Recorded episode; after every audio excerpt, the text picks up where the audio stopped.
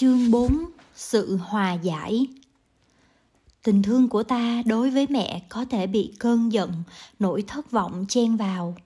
Năng lượng chánh niệm có thể giúp ta nhận diện nỗi đau của ta về cha mẹ và giúp ta ôm lấy niềm đau ấy như một bà mẹ ẩm con khi con khóc.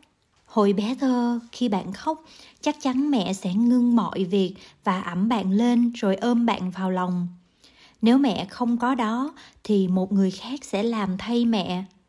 Khi ta nhận diện và ôm lấy nỗi đau buồn trong ta, thì nỗi đau buồn đó sẽ được lắng dịu như em bé trong vòng tay của mẹ. Một rạn nứt trong tình cha con hay mẹ con cũng là một vết rạn nứt trong chính tâm hồn ta.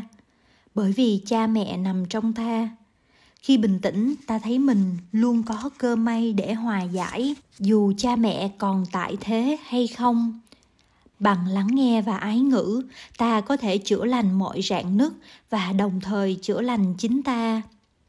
Mục đích của việc lắng nghe và ái ngữ là để nối lại truyền thông, bởi vì một khi truyền thông được vãn hồi thì mọi việc đều làm được, kể cả vãn hồi hòa bình và hòa giải. Tôi đã từng chứng kiến nhiều cặp vợ chồng thực tập lắng nghe và ái ngữ để chữa lành tình chồng vợ đang gặp khó khăn hay đổ vỡ. Nhiều cặp cha con, mẹ con, vợ chồng đã phản hồi được sự bình an và hạnh phúc về cho gia đình mình nhờ vào sự thực tập ấy. Họ đã hòa giải được với nhau nhờ sự thực tập lắng nghe sâu sắc với tâm từ bi và thực tập ái ngữ.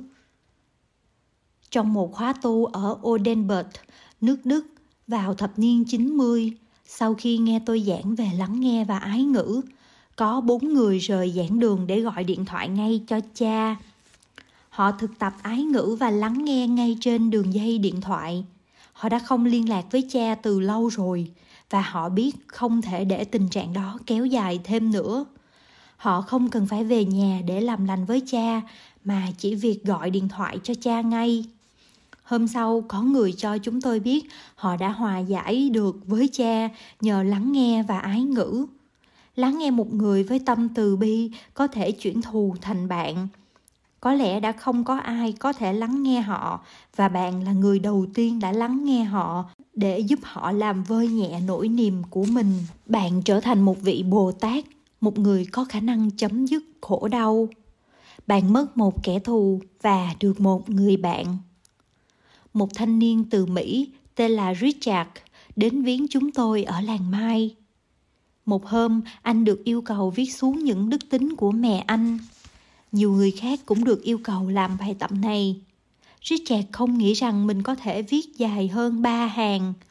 Anh nói, ba tôi có nhiều đức tính lắm, nhưng mẹ tôi thì không. Tuy nhiên, anh vẫn phải làm bài tập và lạ thay anh nhận ra sau vài ngày mà danh sách ấy khá dài.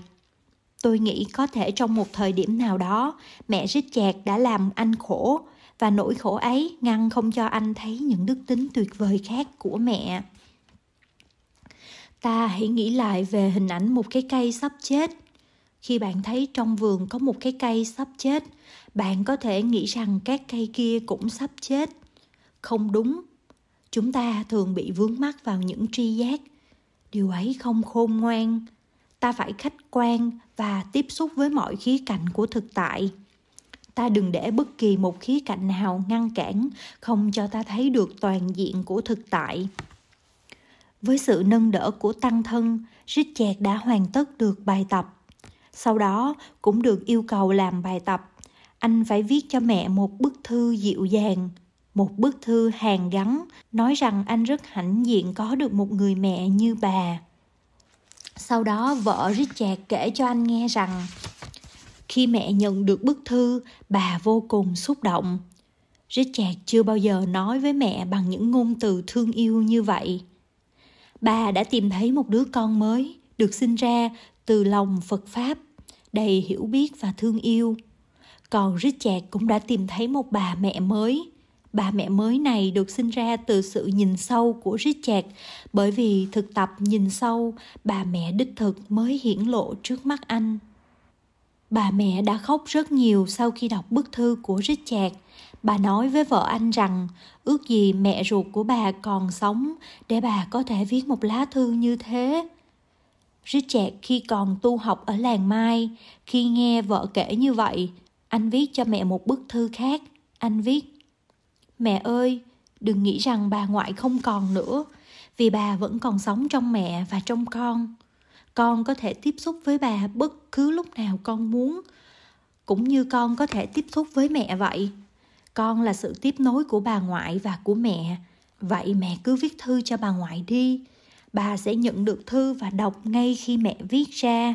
Mẹ khỏi cần phải gửi thư đấy đi nữa đó là điều sáng suốt anh đã học được từ những lời giảng và từ sự thực tập những điều đức thế tôn dạy. Tất cả chúng ta đều phải thực tập như vậy. Sự hiện diện của ta cũng có nghĩa là sự hiện diện của tổ tiên ta. Tổ tiên vẫn còn sống trong ta.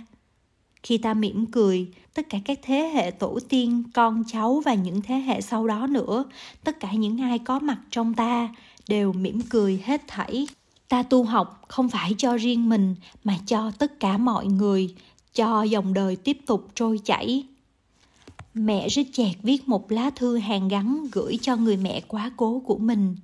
Trong lúc viết, bà đã khóc với những dòng lệ hạnh phúc. Trong quá khứ, khi mẹ bà còn sống, bà đã không biết nghệ thuật sống trong chánh niệm.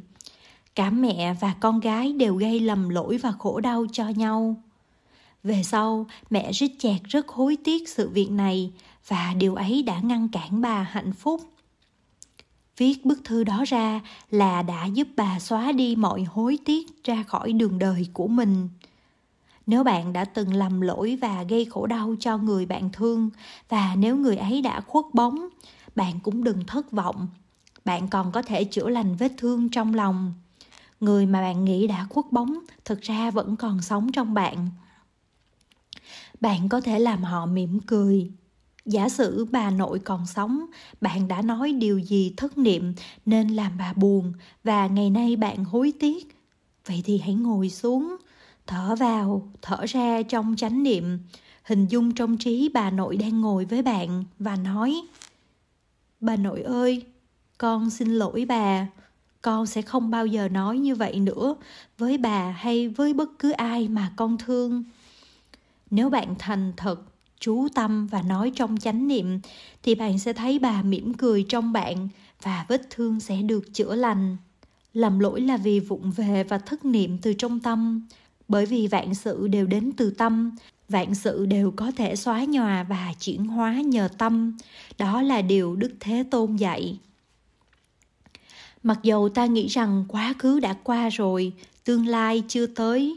Nhưng nếu nhìn sâu thì ta sẽ thấy rằng thực tế còn nhiều hơn thế.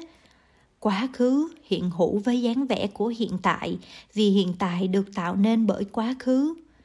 Theo lời dạy này, nếu ta an trú vững chãi trong hiện tại và tiếp xúc sâu sắc với hiện tại, ta cũng tiếp xúc được với quá khứ và có thể sửa đổi được quá khứ.